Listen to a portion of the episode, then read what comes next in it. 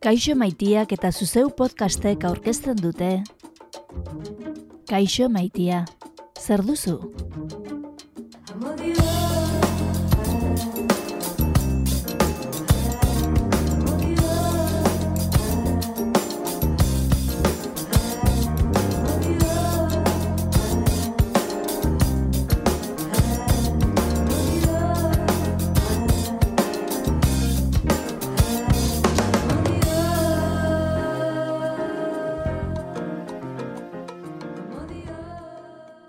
Euskal Herritarron harreman afektibo eta sexualei buruzko podcasta duzu honakoa entzule.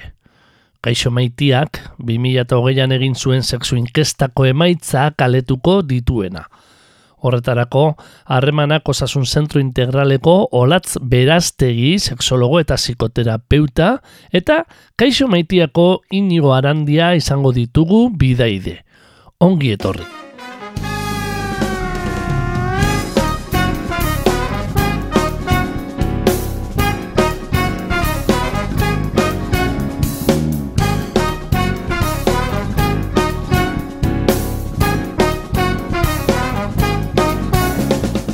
Musubaren bipilak aldez alde unkitu zituen hilak. Musubaren kemenez biziei ahoa kendu zienez. Musubaren gorena labur ziren Espainiak ahoan bera. Musuaren nahiera, biziak erein eta hilak lurpera.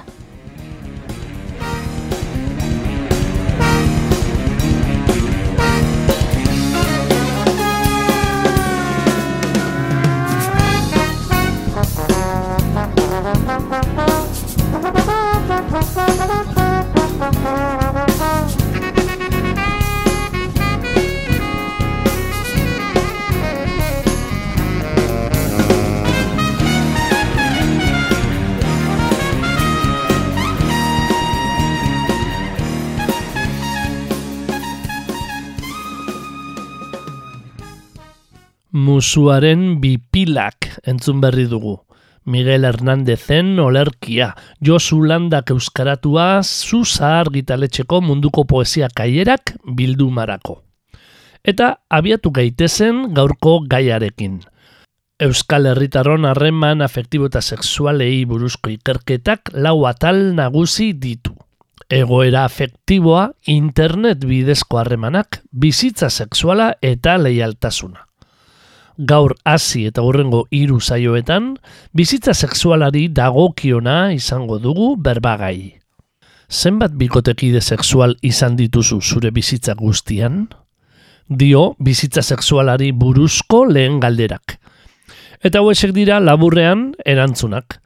Euskaldun gehienek bi hiru bikotekide sexual izan dituzte, izan gizonek zein emakumeek, berizketa handirik gabe hori bai, kopuruak gora egiten du homosexualen kasuan. Bueno, bal, ez, hor ikusten da agian, ez, e, ze zaugarria dituzen harreman harreman homosexualak, harreman heterosexualak, segurazki hor homosexualen artean ere banatuko genuke agian e, neskak eta mutilak, baina beste realitate bada agertzen duena e, nola baitere e, badagola, ez, e, irautzeko edo iraupena iraupen bat izateko bikoteak, ez?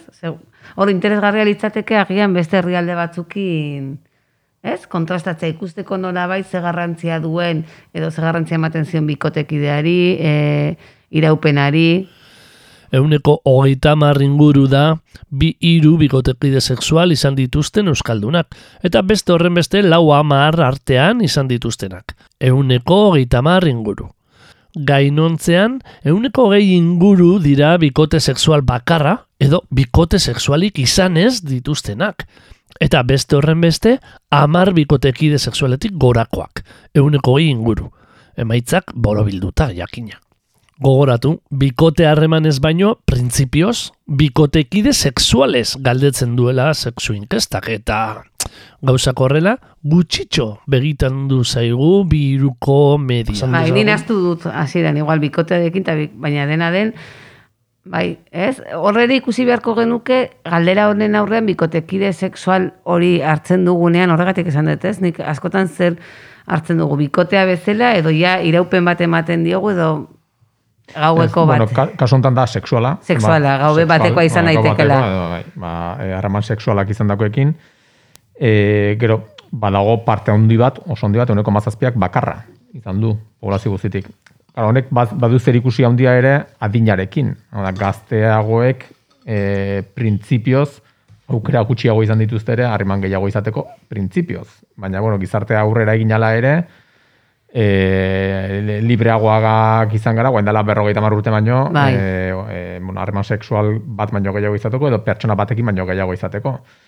Baina, bueno, e, hemen ni ere pixkat e, anartzekin bai nator bat, bi hiru, euneko hogeita, ja, hogeita zortziak edo, bi hiru bakarrik izan ditu bizita sexual, ora, hau da, bikote kide sexual bizita guztian, eta hori bai irutzea pixka bat e, justutxu. Bai, Bai, bai, bai, nik ere ala esango nuke, esan nahi dut, ez? Agian, ez dakitor, sexualitatean esploratzeari ematen egun ge, gehiago, ez?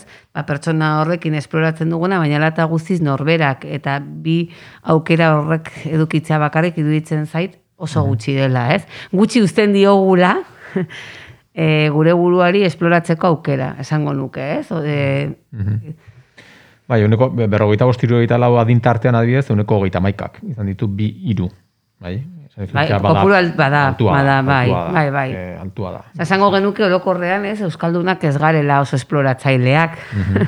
Eta hori ikusten da adibidez ere, e, berrogeita bost, hau da, ja, esan dizut, hogeita mar bikote kidetik gora, ikusten da berrogeita bost hirurogeita laukak, uneko lauak, eta hogeita mar berrogeita lau, da, generazio gazteago batek, uneko seia, ba, zerbait gehiago badala, ez? Hau da, Aldatzen ari dela. bai, bai, bai pixkanaka bai. Eta, eta aldiz, zemezortzi hogeita batzukak, uneko bia, bai, baina ja hogeita marrekitik gora da. Hau da, esan dizute, momentu batean badagola, generazioak bere eginala gutxiago da, baina proportzioan badirudi izan daitezkela gehiago, ez? Ba, nik esango nuke ni behintzat hori bai ikusten dut, ez? Iruditzen zait, e, bueno, a ber, bada, a ber, beti eduki beharko genuke aukera esploratzeko, ez? Dago adin bat esploratzeko, baina bai egia da askotan esplorazioa adin konkretu batokin lotzen dugula, nera bezaroa, gaztetasuna, aukera gehiago dituzu jende berria ezagutzeko, zen nahi dut gaur egun adin batetik aurrera, pues, are sozialak edo eskaintzen badizute, edo dakito lanean edo, baina ez da hainoikoa.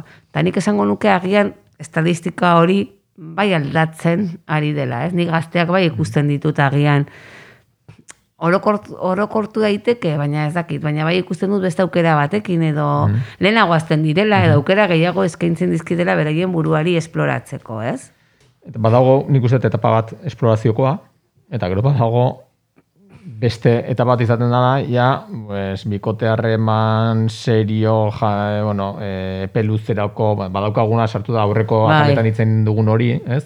Dala monogamo, Bai. e, e, leialtasunari lotua, e, harreman Bai, ba, itxiak, e, guzti hori horrekin harremana edo dutenak, eta hori ere askotan luzatzen da, eta hor, teorian edo gehiengo batek egiten du autua edo erabakitzen du izatea e, harreman sexual monogamoak, eta horrek ere eragiten du era berean e, emaitza hauetan, ez? bai, bai, bai, bai. Baina esango nuke ez, kurios, bai, esan nahi dute emaitza portzentai bat ere, izan beharko zela, ze egia da, e, auk, e, banaketak eta ematen ari direla, ondorioz, ez, datuak aldatu beharko dira, esan dut, orduan, ze, bestera ze gertatzen da, banatu eta probatu gabe edo esploratu gabe gelditzen da jendea, ba, esango nuke, ez, ez, ez, baina, bueno, ez daki datuak hor daude. Arestian adierazi bezala, emaitzetan ez dago ezberdintasun handirik emakume eta gizonezkoen artean. Hogeita mar bikotekide sexualetik gora izan dutenetan ezik. Kasu honetan bai, eunekoak txikiak diren arren, bada alderik. Euneko bia pasatxo dira, hogeita mar bikotekide sexualetik gora izan dituzten emakumeak. Eta kasik euneko zeia gizonezkoen kasuan. eragina dauka, ez? Nolako hezkuntza jaso dugun urtetan. Zan e, gizonezkoetan hori e, esploratzeko aukera horiek irekiagoak egon dira, ez? Bai gizartean, eta hori nabaritzen da, sexualitatean, sexualitatean bizipeneetan, eta datu hori zer ikusia dauka. Oraindikan ere, e, generazio gazteak esploratzen dute, baina oraindikan ere karga berdina ez dute mutilak eta gizonezkoak. Ez? Puskatzen ari gara, baina e, hor gelditzen dira, ez? Nola begiratzen diogun emakume bati esploratzailea denean edo gizonezko bati, ez? Bai, bai. Urrengo galderak badu lotura aurrekoarekin, eta zehatzagoa da denborari dagokionean. Zenbat pertsonarekin izan dituzu harreman sexualak azken amabi hilabeteetan? Gehiengo batek, kasik euneko irurogeita marrak, bikotekide bakarrarekin. Bai, agian hori logikoagoa da, ez? Ikustea baizik bat eta bi zure bizitza guztian. Zehar hori bai iruditzen zaitez, hor esaten duena nolabait nahiko konservadorea garela, edo nolari garen bizitzen gure sexualitatea, gure harremanak, ez? Ze gutxi, e, bizitzen dugun norberaren zerbait eta esploratzeko modu bat bezala, disfrutatzeko, gozatzeko, ez? Bai, baina azkeneko amabi hilabeteak esango nuke, ba, bueno, ez? Gainera, inkesta noiz egin zen, E, COVID aurretik. Hori, hori bali bada galdera, bai, COVID. hori da. Eh, esan nahi dut. Otsailean, ez? otsailean. Bai. Ah, vale, vale, vale, ez pentsatzen Bai, duen, bai, bai. vale. E, Bai. o, hemen dago datu interesgarri bat adinarekiko, e, ikusten badago, azken urtea, esan bezala, azken amabila batetan zenbatekin izan dituzu sexu harremanak, gaztenak dira harrema, sexu harreman gehien izan dituztenak urt, azkeneko urtean. Ez, emezortzi hogeita behatzi adintartekoak lau amar bikotekide sexual erantzun dute amabik, euneko amabiak. Bueno, konparatuz, urrungo, esan ez, agun generazioa, izan eta hogeita mar berrogeita lau adintartean euneko seia, hau da, bikoizten da gazteenen generazioan e, hogeita mar berrogeita lau adintartekoekiko bikoizten da e, kopurua, eta laukoizten da urrungo generazioarekiko, hau da, generazioak gazteoenak, izan dute, ba, leheno komentatzen dena, ez, esploratzeko e, epealdi hori gehiago izango da, e, gehiago da, ba, emezortzien, hogeita abiatzia dintarte horretan. Eta Bai, ez. horrek ba, badauka zentzu, zentzu guztia dauka. ba, Ez? ez ez kulturala, no- nola daukagun lotuta, ez? Adina, momentua, nola bizitzen den adin bakoitzean sexualitatea, ez? Sexua- bueno, eta horrek badauka, ba, ikusten da, ez? Argita garbi adinarekin nola elkartzen den hori. Harreman afektiboen atalean, gogoratzen dudanez, argi adierazten da bikotekidea bilatzeko modurik ohikoenak, parranda eta lagun giroa direla gurean. Eta hemen gizonezko emakumezkoen bereizketa hori ere neiko paretsu mantentzen da el, esan duzun, bi hiru bikotekide sexual bitarte, uneko ama hiruan bueltan, biak, bai emakumezkoak eta bai gizonezkoak, hortikan aurrea zerbait gehiago e, ia bikoiztuaz gizonezkoak emakumekiko. Hau da, lau amar bikotekide sexual e, gizonezkoak e, nabarmen gehiago dira. Eta aldiz, joaten bagara joera sexualera, bale, no aipatzen genuen homosexualen e, bueno, e, ba, kopuru aldetik, ez, e, e, homosexualek, ba, ikusten da hemen lau amar bikotekide sexuala uneko hogeita biak izan du azken, azken amabila betetan, hau da, ia lau aldiz heterosexualen kopurua. Ziurrenik homosexualen kasuan izango da gehiengoa ere e, gizonezkoa. Bai, Eta amaika hogei bikotekide sexual azken amabila betetan homosexualen uneko seiak esan du, eta heterosexualen uneko 0,iruak. Bai, osea, hor ere koska na, osea, nabar, nabarmena da. Bai, honetan. bai, bai, nik uste hori, ez? Na, e, hau da, sexua, esan nahi dut, sexua eta orientazioa badirela aldagaiak erabat eragina dutena, ez? E, erantzunen eta hor nola bizitzen den ze karga, ez? Eta ze kulturatik eta nola eraiki garen, argi eta garbi, ez? Nola eraiki dugun sexualitatea, ba hori.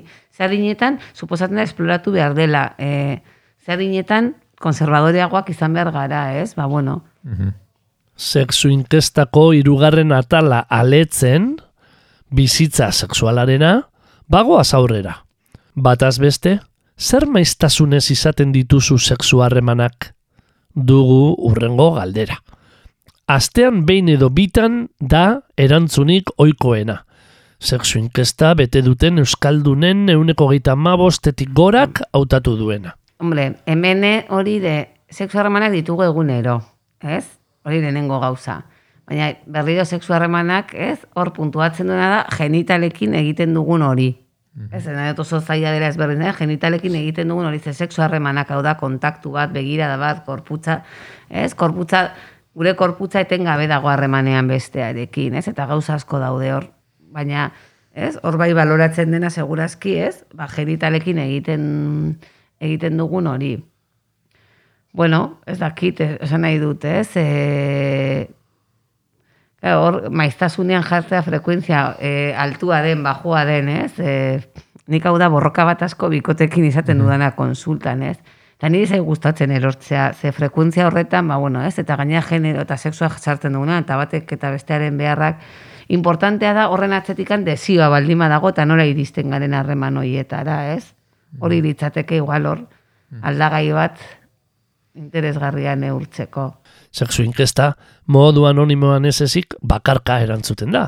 Baina harreman sexualez mintzo garela gutxienez bi gorputz edo bi lagunen artekoa da jokoa, gutxienez.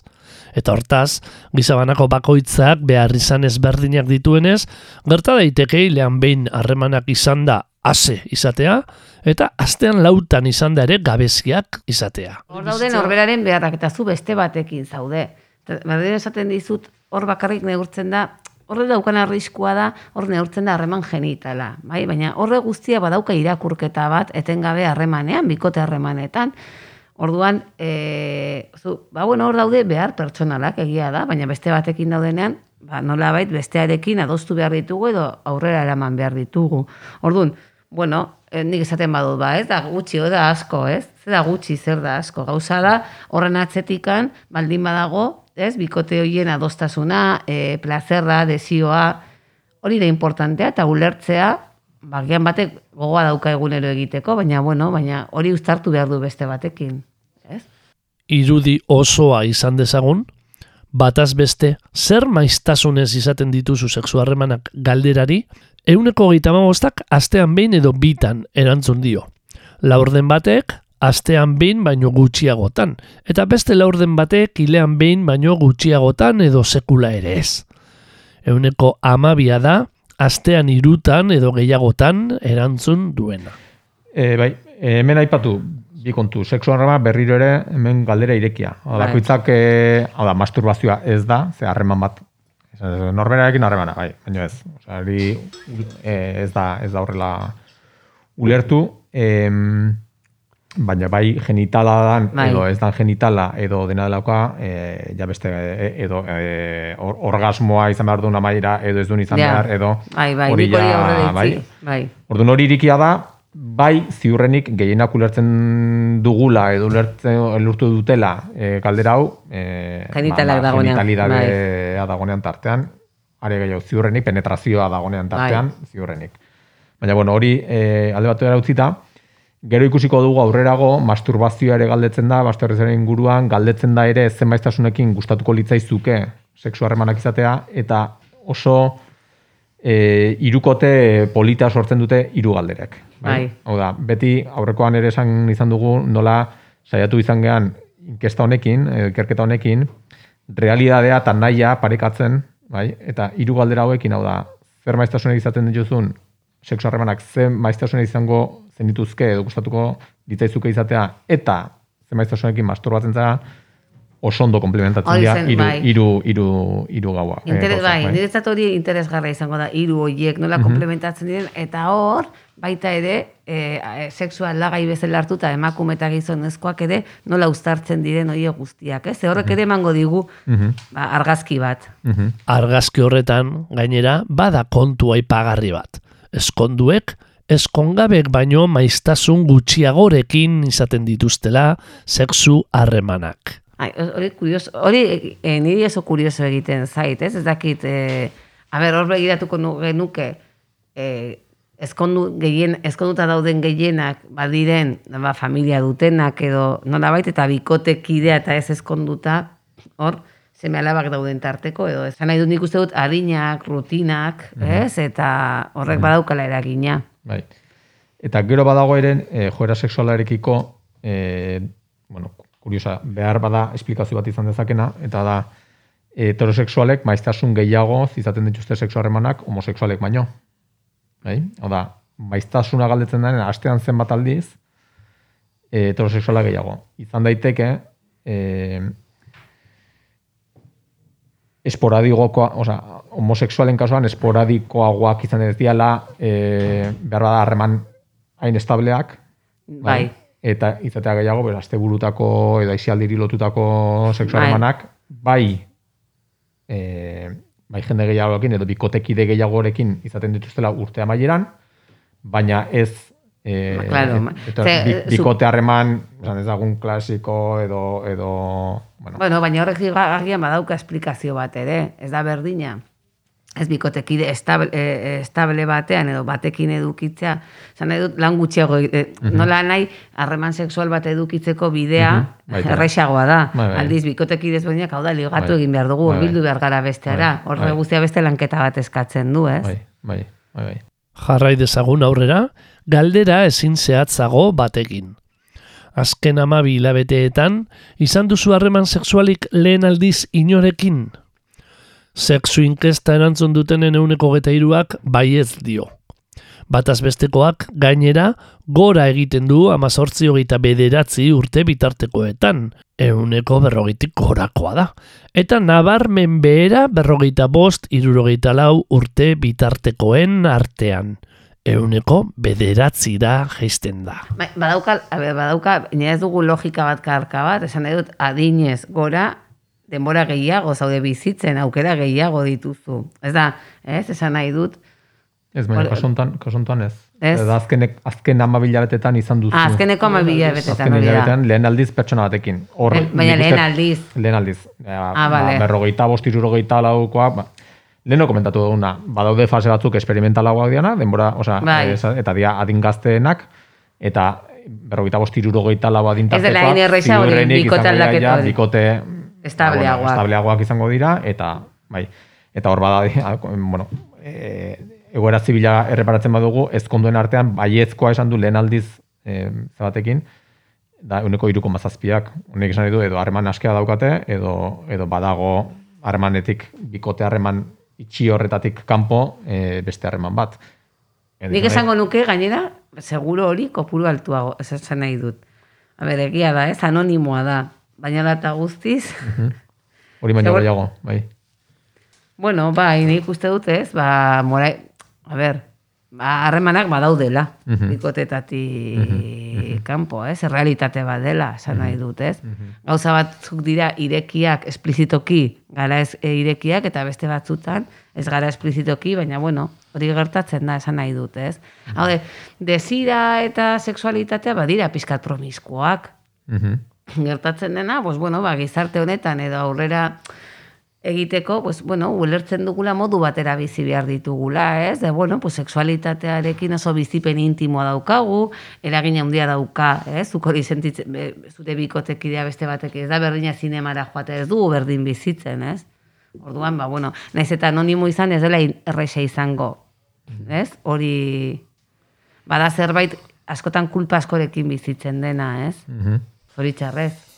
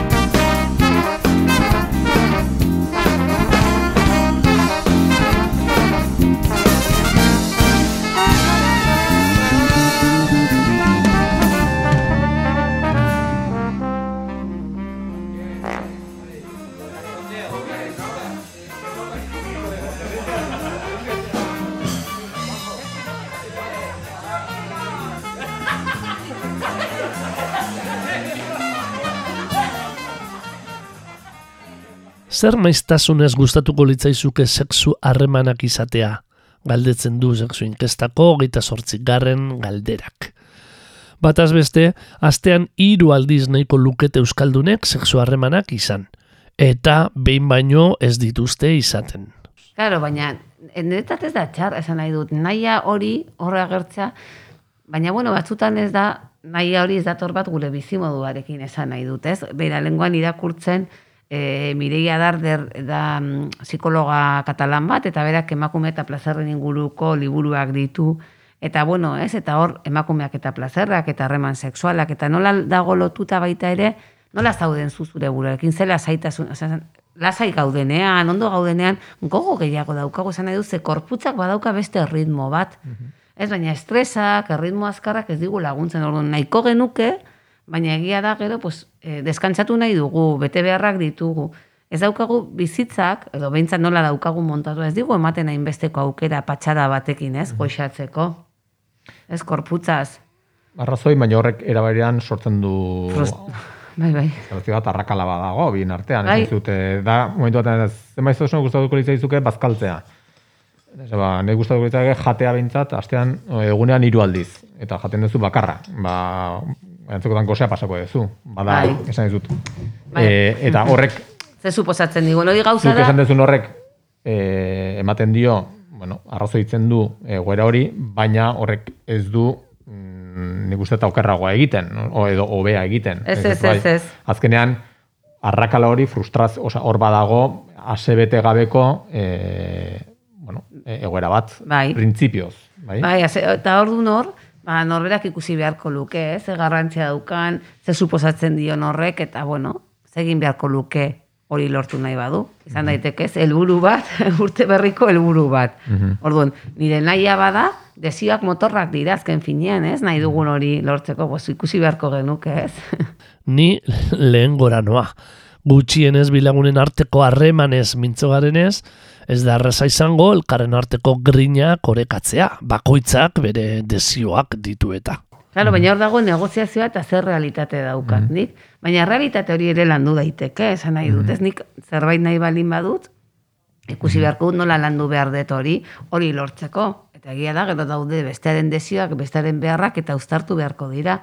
Baina dena den desioa, ez, bada zerbait, lantz, eh, hau da, ez da bapatean etortzen dena, baditugu denak, ditugu botoi batzuk edo, ez, elementuak desioa pizten dutenak. Orduan, bueno, baina horiek ezagutu behar ditugu, indartu behar ditugu, eta landu egin behar dira, ez?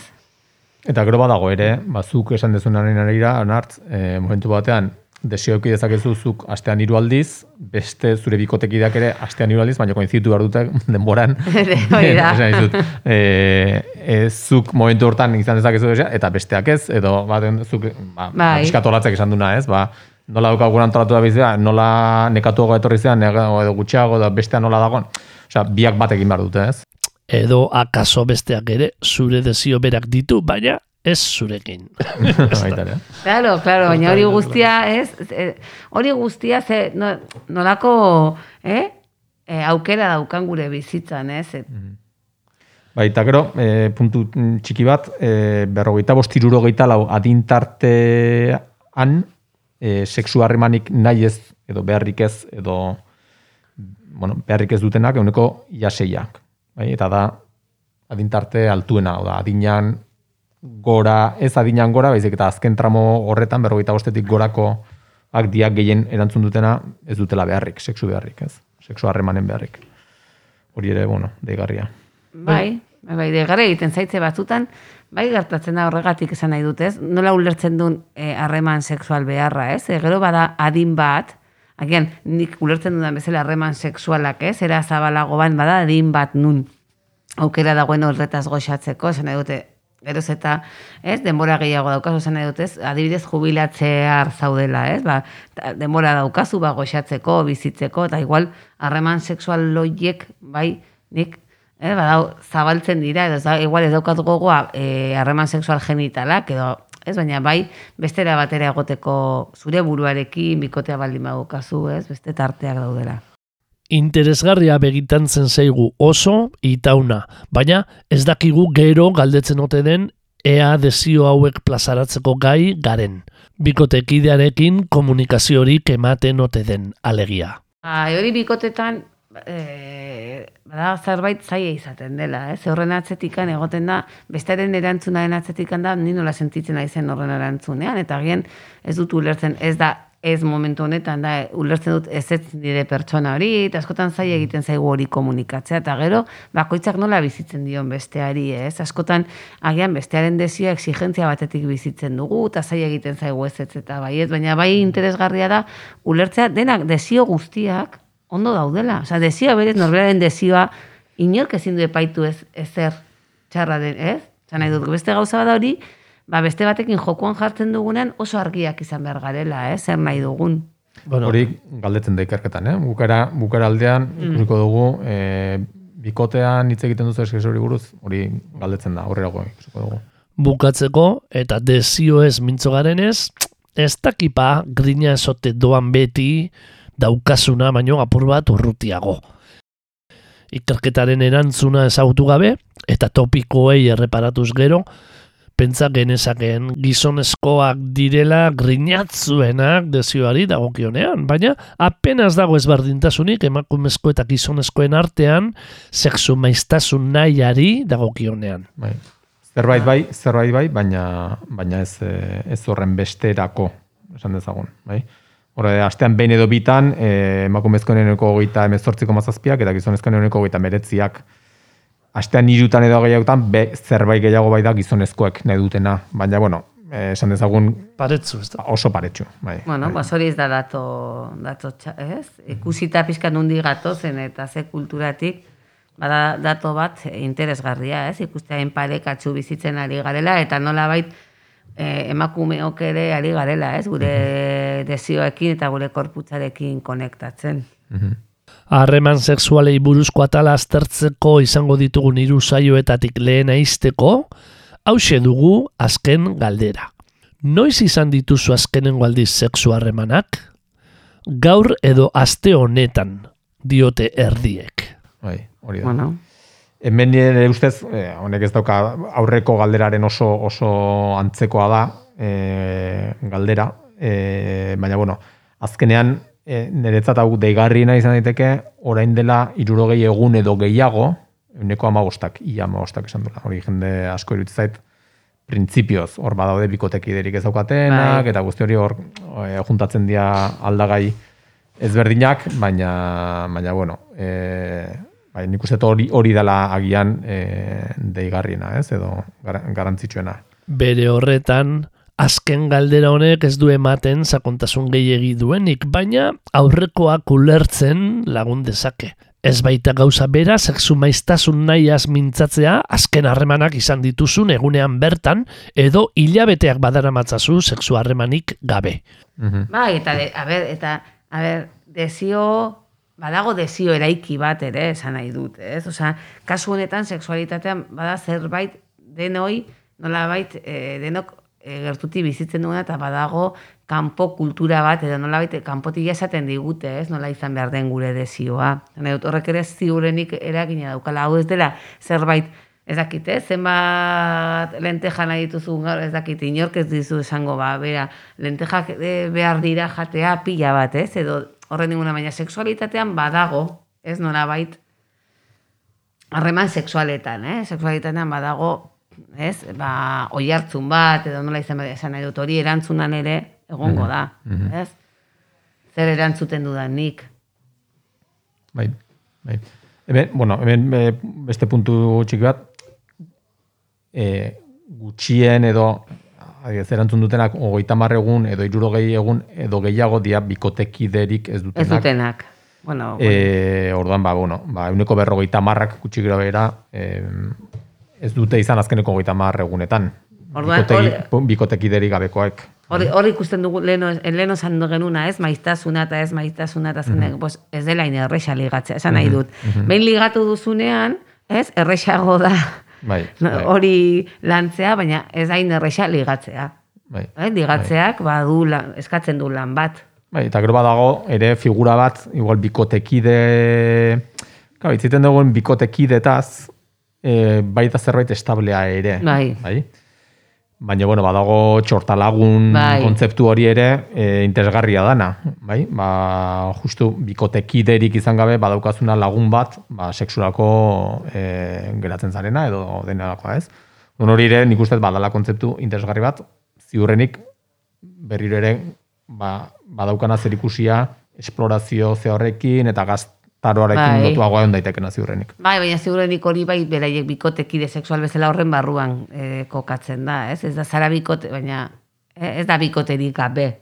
Hor, ez, e, ez dira kokatuko ziurrenik bikotekiderik gabe. Pentsatzen dut nik. Bikotekiderik gabe da, bikotekiderik gabe. Zei, bikotekide sexuala bada txorta laguna edo, segurazki bitokide- bikotekide horretan lotuko duzu.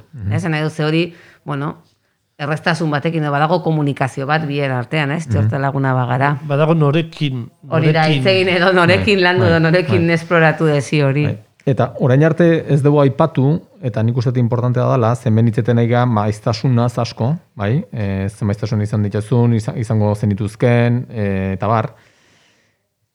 Eta, bai, itzen dugu, ba, dinarekiko, edo, edo joera seksualarekiko, edo sexuarekiko beriztasunak egin ditugu, baina, hemen badago importantea da gauza bat, eta korrelaziotaz ezin da zuzenean hitz egin, baina bai ematen digu, eta hoi aztikerrokoekin bere garaian itzen izan dugu honi buruz, zorintasun maila sexuala, bai, afektibo eta sexuala baizik eta sexualean kopuruak, maiztasunak baduela alako erlazio bat zorintasunarekin. Eta hemen ikusten da adibidez taula honetan, ba, geogita behatzi galderaren barruan taula iru puntu emezortzia, bai ikusten da adibidez, orain dela irurogei egun, baina gehiago sexu harremanik gabe daudenak, zorintasun maila aktiboa, e, afektiboa momentu honetan, nala, uneko berrogeita magosta, daukate e, bajua edo oso baxua. Oda, zorintasun maila ba, eh, bajua edo oso baxua daukaten uneko berrogeita magostak, dia irurogei egun baino gehiago sexu harremanik gabe izan e, egun dienak. Eta sexuarekiko berdin, zorintasun maila sexualarekiko, pues, uneko berrogeita maila iruak e, dia. Orduan esplikatzen du asko. Eta ere berean, aste honetan erantzun dutenak, euneko berrogeita marrak daukate e, zorintasun maila altua edo oso altua, ez? Bai, bai, baina- hori, Mm. nik uste e, garrantzitsua dela. Baina hori da, eh, garrantzitsua esan nahi dut, ez? Eh, harreman sexualak, nik ez dut esan, ez? Ez da, baina bai dira garrantzitsua gure bizitzan. Osa, pertsonak izaki sexutua gara korputza daukagu, eta korpu, behar dugu kontaktua, behar dugu plazerra, eta noski horrek eragina daukala, ez? Gure zoriontasuna, zinkestak, esaten du, Et, nik ez nioke olako, ez, hori izan behar da, baina bai da importantea, nahi dut, horregatik garrantzitsua da, ba bueno, ba honi, ez, e, behar dugun, oza, kontutan hartzea, ez, importante den guretzat, baligote hori, beste pertsona batekin, oza, gizakiz e, soziala gara, bestearen beharra daukagu, eta kasu honetan ere, ez, eta importantea da. Hemen itxiko dugu gaurko saioa. Aspaldiko momau taldearen esportein kantua entzun da. Mila bederatzireun da larogeita malauan, Les Mechanicians taldea desegin ostean, ane irazuk sortutako talde arrasatearra da momau. Juanjo Falcón, JC Labaka, Javi Area, Satur Babon, Juan Andiez eta Gorka Lasa lagun zituela lau kantuko lan labur homonimo bat baino ez zuten argitaratu eta kaos kantua, rip taldearen bertzioez osatutako diskoan. Momaurena da saioaren erdialdean entzun dugun goizean, eta honakoan entzungo dugun esportein. Jolas gozo, larrua eskeni, jolas gaizto, larrua jo, dioena.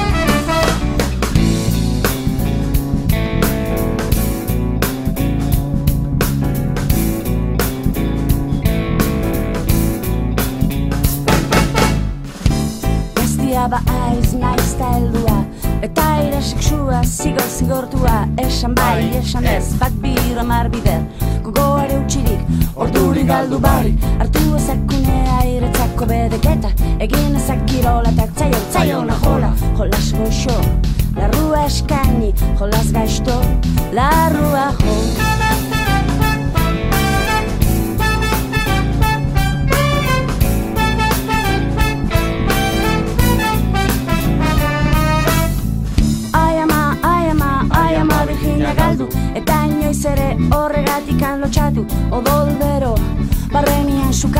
Odol gasto, eta ez bakarrikin lo Ez bakarrikin garo, ez bakarrikin lo Akatxon dila dela esan digutelako Ordu beltzak dira inoiz ire gogoko Bakarrik egotiak burua ikendu Jo! Ikendu, jo! Ikendu, jo!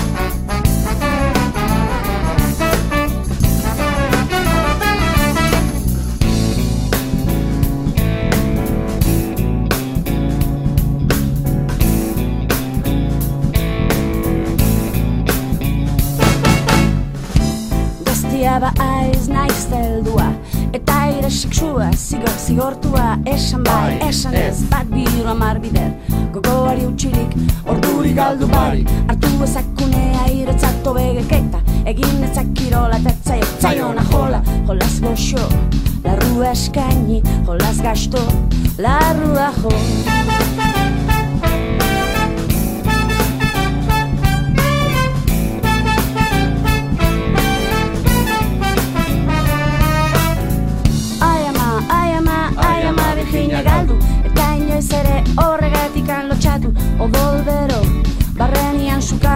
Odol gasto, ta ez bakarrikin lo Ez bakarrikin gero, ez bakarrikin lo Akatxan bila dela esan digutelako Ordu beltzak dira inoiz ire gogoko.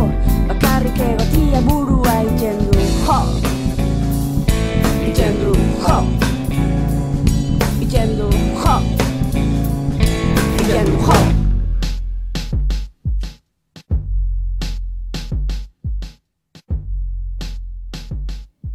Podcast honetan jorratu diren gaiei buruzko galderaren bat edo harreman afektibo eta sexualei buruzko edozein kezka argitu nahi baduzu? Harremanak osasun zentro integralera jo dezakezu. 6 bederatzi, 606, zazpi, zazpi, zazpi, telefonora deituz, edo harremanak abildua yahoo.es elbidera idatziz.